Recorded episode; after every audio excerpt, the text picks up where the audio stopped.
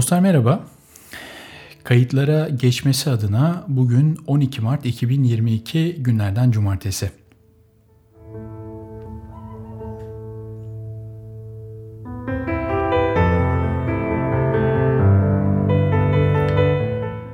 Yaklaşık olarak 3 gündür hatta 4 gündür İstanbul'da güzel bir kar yağışı var ee, ve bugün de şiddetini artırmış durumda. Ee, şu an bu podcast kaydını çalışma odamdan alıyorum ee, ve an itibariyle saat e, bir buçuk ve çalışma odamın camından e, çok güzel bir kar yağışı izliyorum. E, meteoroloji uzmanlarının da söylediğine göre bu kar yağışı bugün ve yarın şiddetini artıracak yönündeydi ve hakikaten onu e, şu an rahatlıkla gözlemleyebiliyorum. Çok keyifli, güzel, lapa lapa bir kar yağıyor.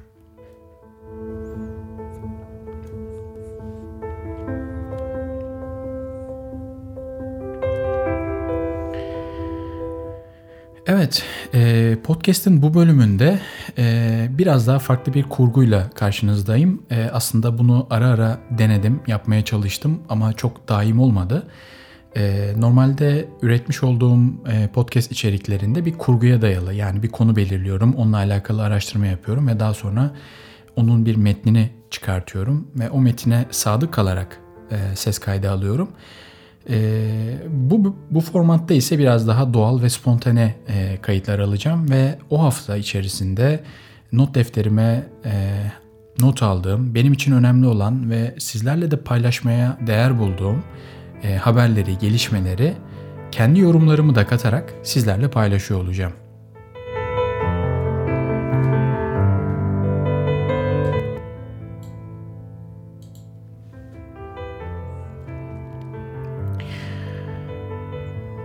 Evet ilk e, bu İstanbul'daki kar haberiyle başlayalım. Tabii e, kar e, görsel olarak bir şölen sunsa da beraberinde bir bereket de taşıyor.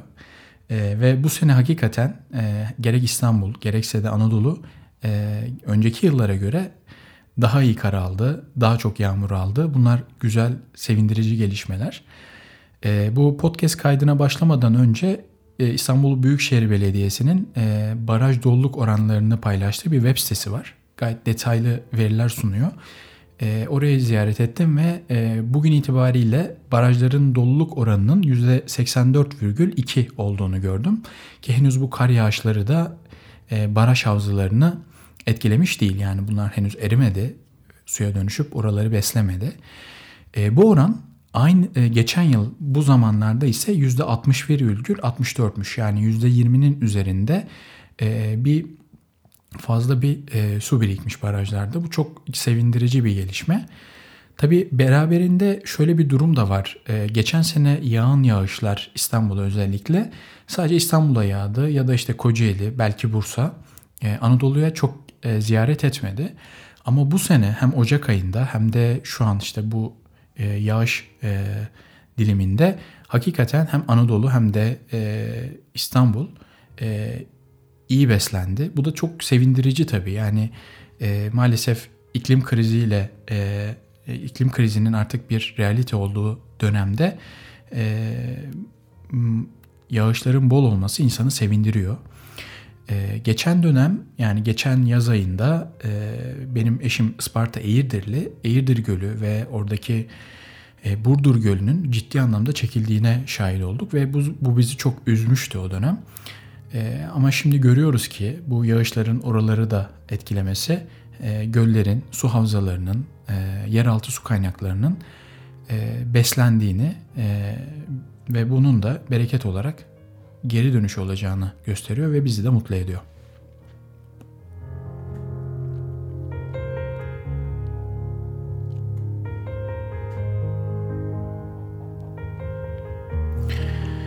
Evet, e, hayat her zaman kar yağış, kar gibi, kar yağışı gibi insanı mutlu etmiyor tabii. E, şu an e, kuzeyimizde bir savaş oluyor.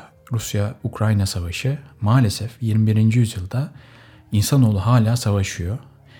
E, Yuval Noah Harari bu e, İsrailli e, tarihçinin bir interview'de yani bir röportajında artık insanoğlu 21. yüzyılda savaşmamayı öğrendi demişti.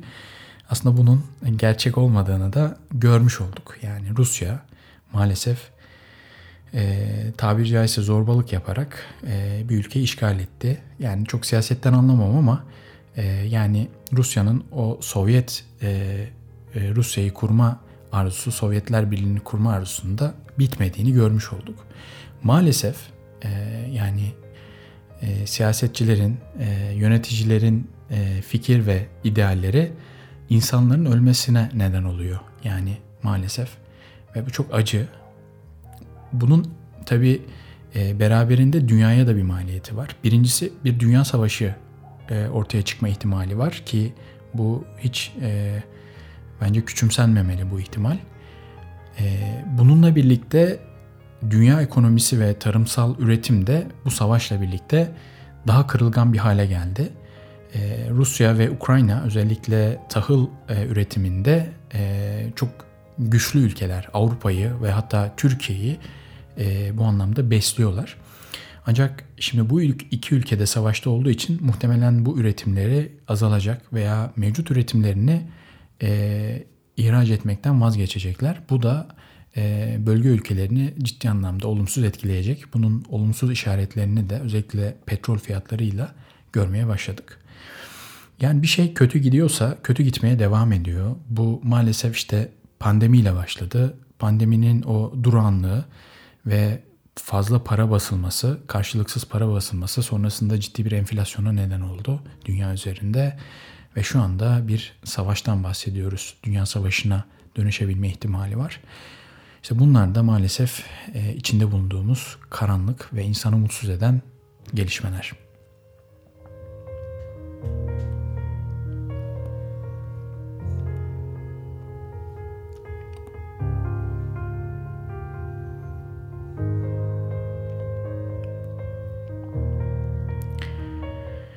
Evet, e, notlarımdan bir diğeri de e, Apple'ın ürettiği AirPod kulaklıklarla alakalı. E, bu kulaklıklar hakikaten çok başarılı. E, eğer deneyimleyebildiyseniz e, bunun ne demek olduğunu anlayacaksınızdır. E, yani iyi markalar genelde sade ve çok özellikli ürün yapmaz ama e, koymuş olduğu özelliği de fazlasıyla hakkını vererek yapar. Apple'da böyle bir marka ve geliştirdiği, ürettiği ürünler de genelde böyle oluyor.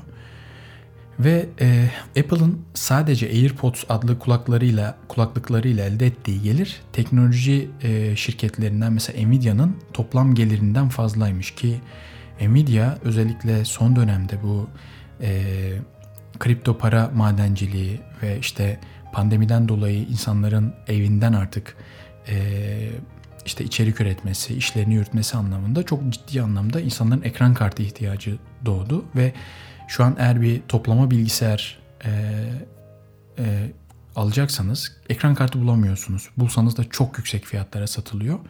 E, dolayısıyla Nvidia'nın bile gelirinden fazlaymış yani Apple sadece AirPods kulaklıklarıyla e, bunu becerebiliyor.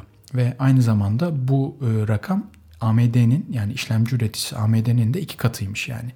AirPods tek başına AMD'yi 2 ile çarpmış. E, bu da aslında Apple'ın e, pazar analizinin e, ve ürettiği ürünün gereksinimleri çok iyi karşıladığının bir göstergesi. Bunu Apple çok iyi yapıyor. Tüm ürünlerinde bunu gözlemlemek mümkün. E, bu da açıkçası bu başarı da çok sürpriz değil bence.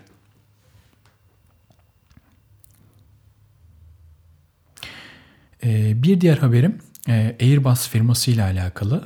E, Airbus hidrojen yakıtlı jet motoru e, geliştirme e, kararı almış ve bununla alakalı da adımlar atmaya başlamış. E, özellikle e, havayolu ulaşımı dünyadaki karbon emisyonunun çok önemli önemli ölçüde etkiliyor. Yani çok gün yani dünya üzerinde aynı anda çok fazla uçak havada e, maalesef insanoğlu e, çok seyahat ediyor ve bunun da dünyaya bir maliyeti var. Karbon maliyeti var. E, Airbus firması da işte bunu engellemek adına e, hidrojen yakıt kullanan turbojet motoru geliştirmek için bir proje başlatmış ve amaçları da havacılık sektörünün en büyük derdi oluşan işte karbon salımını 2035 yılında dek sıfırlamak. Yani bu hakikaten e, şey bir yani çok e, önemli bir hedef. Umarım becerebilirler.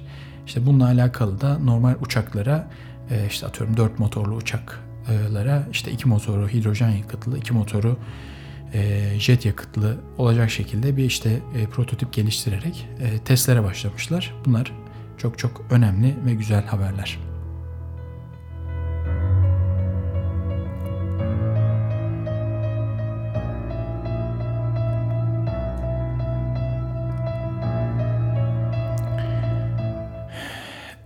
Diğer haber e, otonom gemilerle alakalı.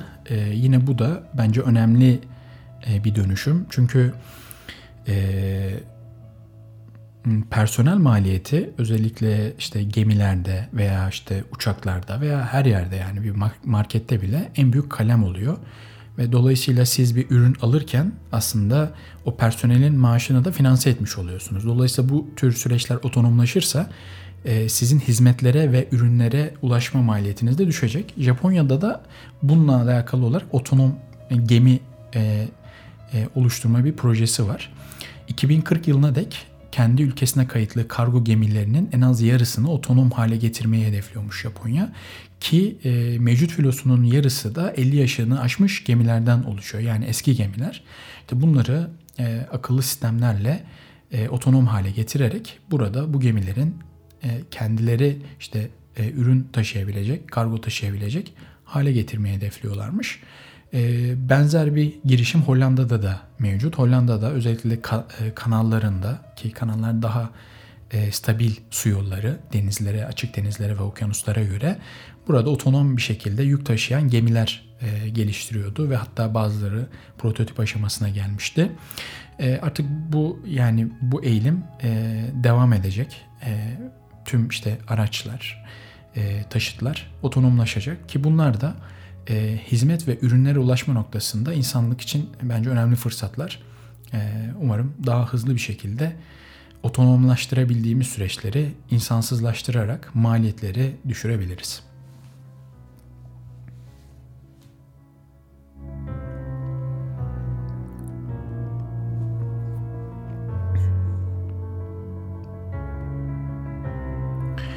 Evet, e, bir diğer haberim Uluslararası Uzay İstasyonu ile alakalı. 1998 e, yılında yörüngedeki görevine başlayan Uluslararası Uzay İstasyonu 2030 yılında emekliye ayrılacağını söylüyor haber. E, geniş bir kitle insanlığın uzaydaki bu ilk evinin tarihi özelliklerinden dolayı bir müzede sergilenmesini istiyor. Yani onu bir şekilde indirip bir müzeye konulmasını istiyor. Ancak NASA bunun teknik olarak hem zor hem de çok yüksek maliyetli olacağı gerekçesiyle e, Pasifik Okyanusu'nun Point Nemo olarak belirlenen ıssız bir noktasına çakılmasını planlıyormuş. Tabii bu karar da muhtemelen yeni bir derin deniz dev, e, define avı ve turizmini etkileyecek gibi gözüküyor.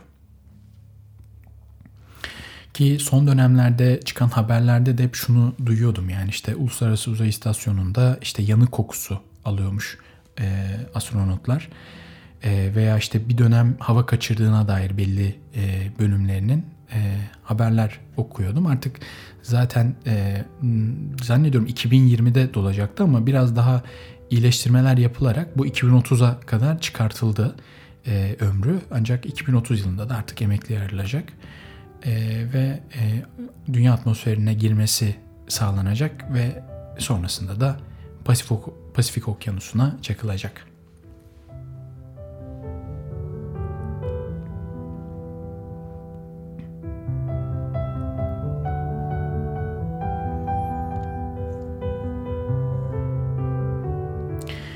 Bir diğer haberim mRNA aşıları ile alakalı.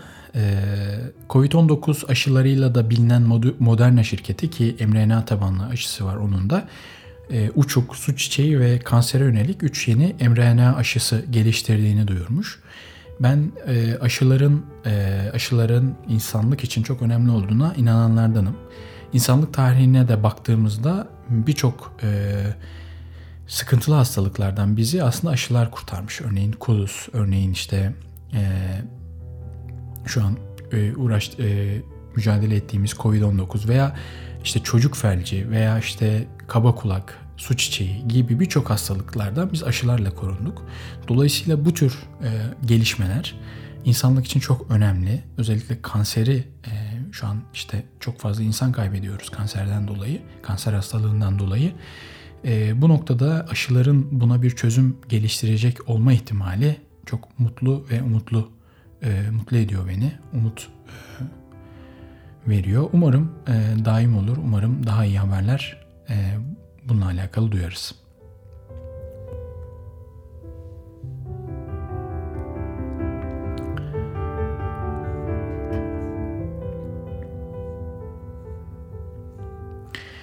E, son haberim Starlink'lerin düştüğüyle alakalı. Tabi Starlink'ler Elon Musk'ın uzay şirketinin e, uzaya gönderdiği ve uzay üzerinden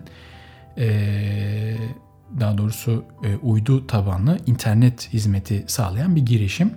Elon Musk'ın uzaydan internet erişimi hizmeti sunmak için işte yaklaşık olarak son dönemde fırlattığı 49 uydunun 40 adedinin bir manyetik fırtına sebebiyle yok olduğunu duyurdu. Tabi bunlar çok olası şeyler. Özellikle güneş dalgaları e, sadece uyduları değil dünyadaki elektronik aletleri bile e, çok kötü olarak kötü derecede etkileyebiliyor. İşte benzer bir dalga muhtemelen gerçekleşti ve bu dalgada 40 e, uydunun şey 49 uydunun 40'ını e, muhtemelen e, işte yok olmasına, yanmasına veya işte yörüngesinden çıkarak e, kaybolmasına yol açmış. Bu tür haberler daha çok duyarız gibi geliyor. Çünkü benzer bir girişimi de Çin devleti e, şu an e, uygulamaya çalışıyor. Starlink ile rekabet edebilmek adına kendi yönetiminde alternatif bir uydu ağı kuruyormuş ve 5G protokolünü kullanacakmış bu uydu ağı. 42 bin 42 bin uyduyla hizmet verecekmiş. Ya tabi bunlar güzel gelişmeler bir yandan ama diğer taraftan bu tür uydular insanı, insanoğlunu acaba dünyaya hapsetme, hapis, hapsedebilir mi? Yani yarın bir gün bir uydu fırlatacağımız zaman acaba oradan Starlink geçiyor mu veya işte oradan Çin'in uydusu mu geçiyor e, gibi endişeler yaratabiliyor bence ya da e, işte çöp e, uzay çöpü dediğimiz bir kavramdan bahsediyoruz. Yani bunlar çok risk teşkil ediyor. E, uzay çalışmalarına, insanoğlunun uzay çalışmalarına, dünyadan uzaya bir şey gönderilmesini olumsuz etkileyebilir deniyor ki hatta Uluslararası Uzay İstasyonu'nun da uzay çöplerinden e, zarar gördüğüne dair haberler de çıkıyor zaman zaman. Dolayısıyla e, işte e, kaş yapalım derken de göz çıkarmamak lazım. Bunun bir e, yönetmeliği, bir e, kural kaidesi de olması lazım. Yoksa e, yani tepemizde e, ciddi bir uydu çöplüğü oluşabilir. E, veya mesela işte e, uzayı gözlemleyen bilim insanlarının çalışmalarını çok olumsuz etkileyebilir bu süreç. Çünkü çok uzun vadeli kayıtlar alıyorlar e, e, gök bilimciler. Dolayısıyla e, beraberinde bu tür dezavantajları var. Bu tür teknolojik gelişimlerin, gelişmelerin bunları da göz önünde bulundurmak lazım. Yani her şeyin avantajı olduğu gibi her gelişmenin beraberinde dezavantajları da var.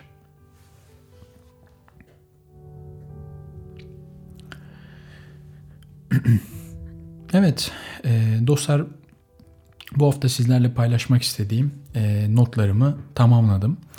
Umarım faydalı olmuştur. Umarım beğenmişsinizdir. Bunu dediğim gibi daha daim hale getirmek, e, istikrarlı bir şekilde yapma arzusundayım. Umarım e, bir bilgilendirici olmuştur. Umarım keyifli olmuştur. Dinlediğiniz için çok teşekkür ederim. Bir sonraki yayında görüşmek dileğiyle.